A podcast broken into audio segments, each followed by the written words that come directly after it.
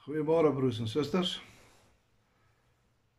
Ek hoop dit gaan nog goed met u en dat die wat siek is weer gou gesond sal wees. Net 'n afkondiging. Die belydennisklas van hierdie jaar sal aan die begin van November belydenis van geloof af lê so die Here wil. En ek sal met almal afsprake maak dat julle my voor die tyd kan kom sien. Kom ons raak stil voor die Here.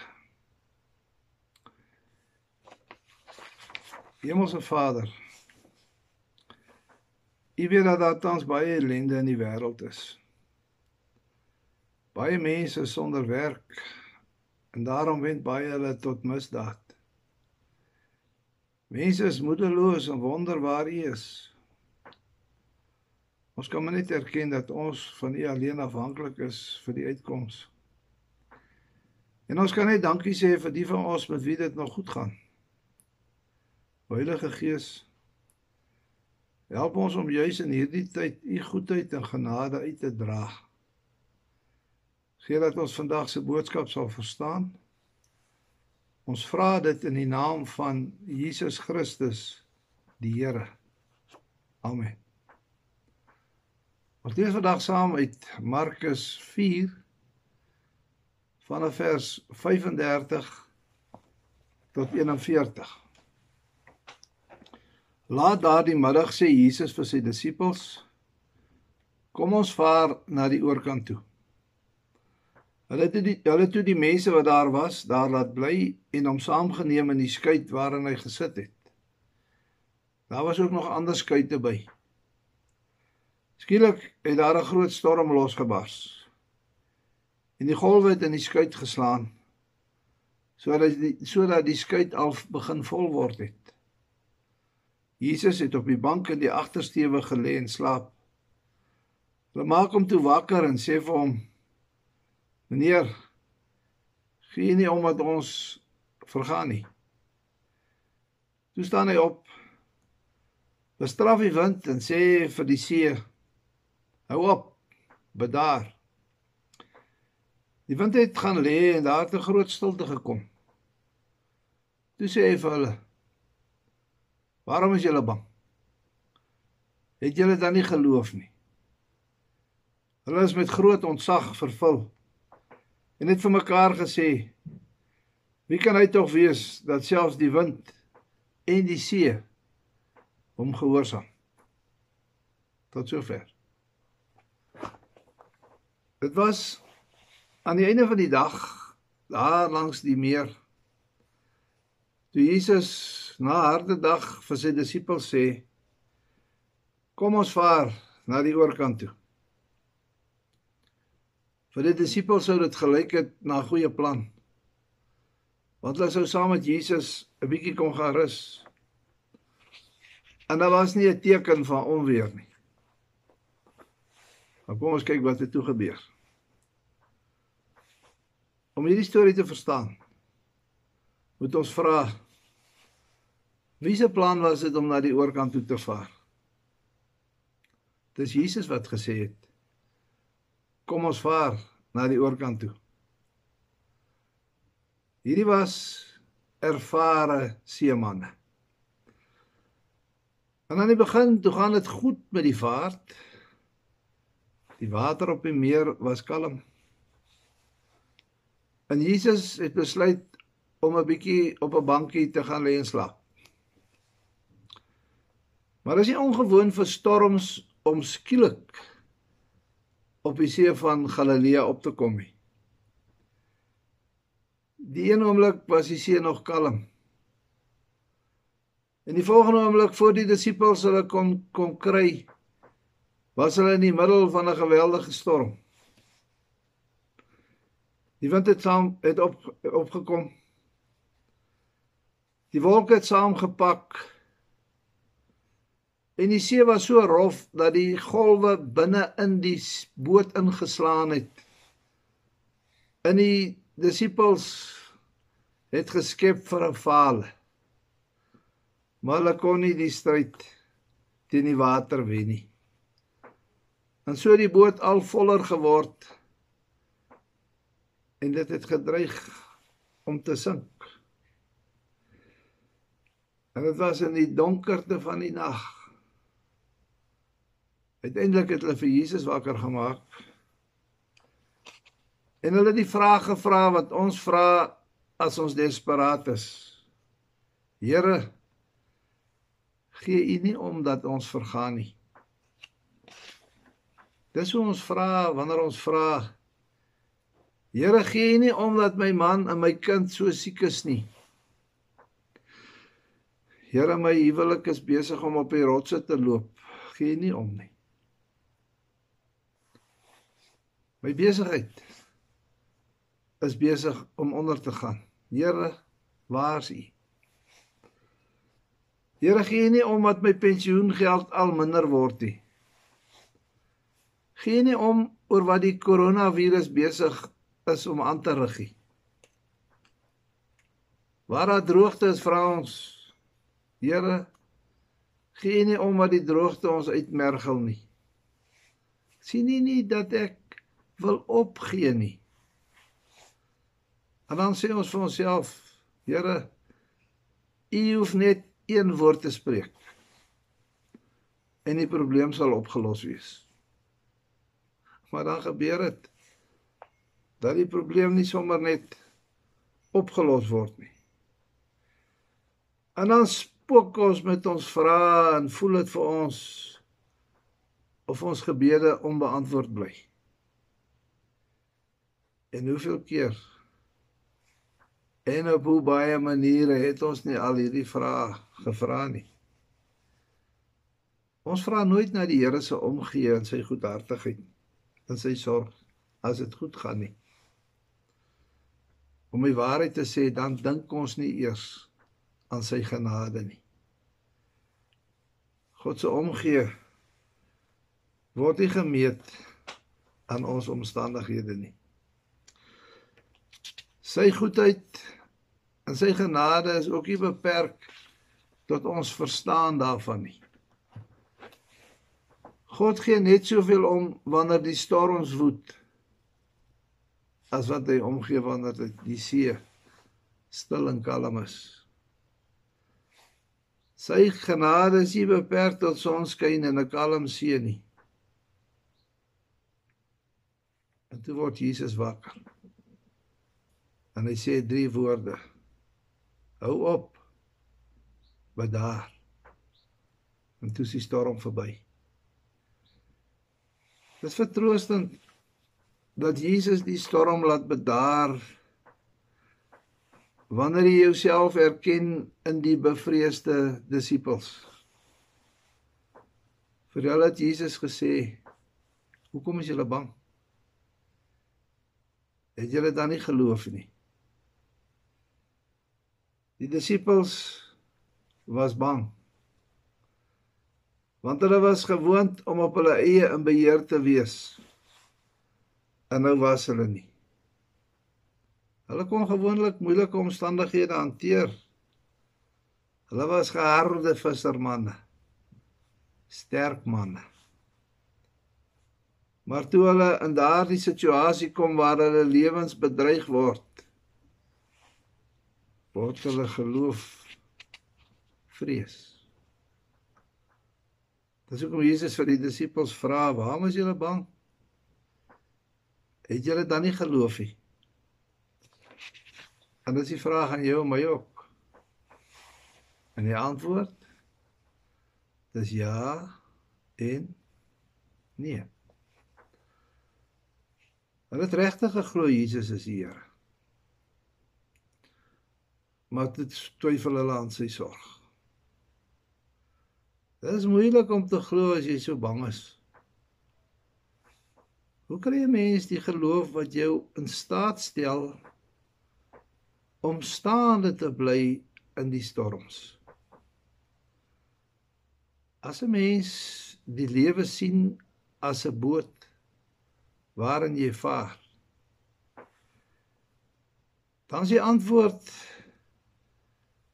om saam met Jesus in die boot te wees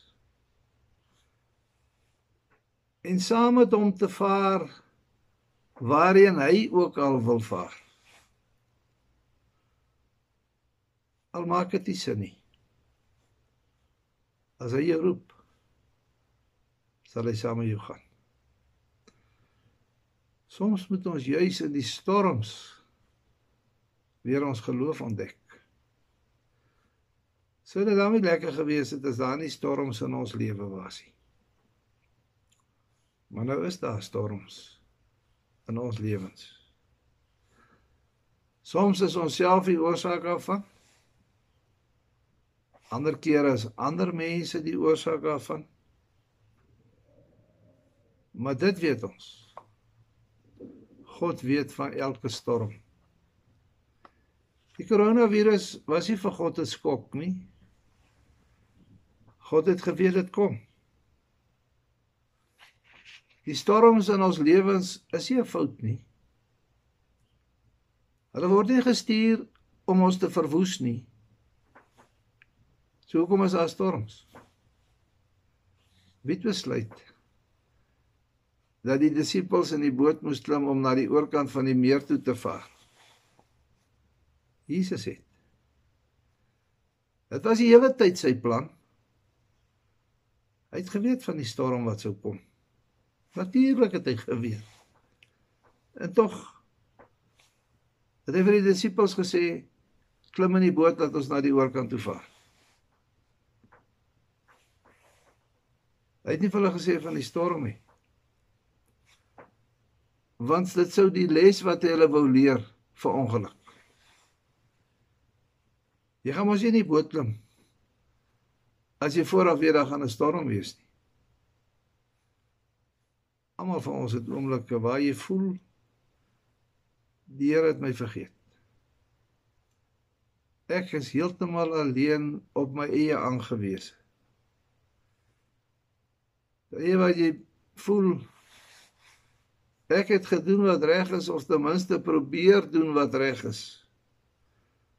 Maar God is seker besig om nou iemand anders te help. Daai van magteloosheid en dit gebeur met ons almal. En daardie oomblik het ons een van twee keuses.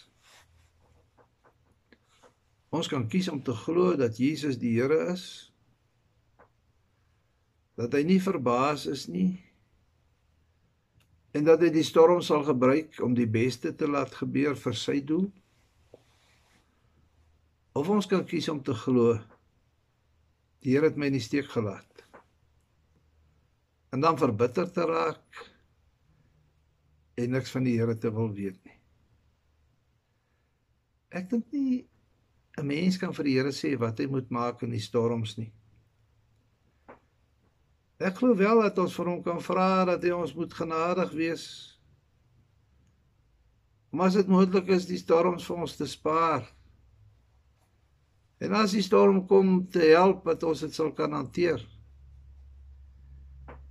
Ek weet nie of dit ook met u so is nie, maar ek is maar baie bang vir hoe ek gaan optree wanneer daar 'n groot storm dalk in my lewe kom. Soms kom storms so onverwags en dreig dit om jou te laat sink. Maar dan is daar weer twee dinge wat ons aan kan vashou. As jy saam met Jesus is, sal die boot nie sink nie. En die storm sal ook nie onbepaald aanhou nie. Dit lyk vir my of sommige gelowige sommige gelowiges dink ons moet 'n vrypas hê teen storms en rampe. Slegte dinge mag mos nie met ons gebeur nie. En wanneer dit wel gebeur is ons tog so geskok. Dan wonder ons, hoe is dit moontlik? Ek gaan kerk toe. Ek gee my dankoffer. Ek probeer om vir my naaste te sorg. Hoe kan dit gebeur? Is God dan nie veronderstel om vir my te sorg nie? Beskerm hy dan nie die vir wie hy lief is nie? Ja, hy sorg vir ons. Maar in jou situasie wat jy as 'n ramp ervaar, is dit so omdat jy net nie verstaan nie. Tog word ons gevra om altyd op die Here te vertrou. Word ons gevra om te onthou die Here se plan is altyd die beste plan. As jy dalk nou in 'n storm die Here weet daarvan. Jy is nie alleen nie. Al voel dit so. Jy mag alles verloor het. Maar jy het nie die Here verloor nie. Hy is nog altyd by jou. Ek wonder baie keer wat mense dink as ek vir hulle wat deur 'n storm gaan as ek vir hulle sê die Here sal jou help en vir jou sorg. Ek wonder of hulle nie baie keer dink nou, hoekom het die Here nie voor die tyd gehelp dat die ding nie gebeur nie. Ek dink dit was juis die disippels se probleem. Hoekom het Jesus die storm toegelaat? As hy geweet het daar gaan 'n storm wees. Die storms wat ons beleef is deel van die Here se plan. Al verstaan ons dit nie. En hy beloof Hy sal ons nooit in die steek laat nie. Wat is die punt van die gebeure in die boot en in die storm? Op die ou einde was die disippels vervul met ontzag vir die Here in hulle midde. Hulle het dit nie voorheen gesien nie. Maar nou sien hulle die wind in die golwe en die natuur is gehoorsaam aan Jesus. En hulle kry daar 'n nuwe insig in die grootheid en die goedheid van God. Wie is hierdie Jesus? Hy is meer as net 'n onderwyser en 'n leier. Hy is meer as net 'n vriend. Hy's meer as die een wat ons dink net wonders moet doen. Hy's God. Die disippels het nie gevra vir die storm nie. Die storm het hulle geloof beproef. In 1 Petrus 1 word vertel van 'n heerlike erfenis wat hierna vir ons in die hemel in bewaring gehou word. En dan gaan vers 6 en 7 verder om te sê Verheug julle hieroor. Selfs alles het nodig dat julle vir 'n kort tydjie bedroef gemaak word deur allerlei beproewings sodat die egtheid van julle geloof getoets kan word. Na Jesus die storm laat bedaar het. Het die disippels beter verstaan wie God is? En het hulle meer vertroue gehad om saam met hom te wees.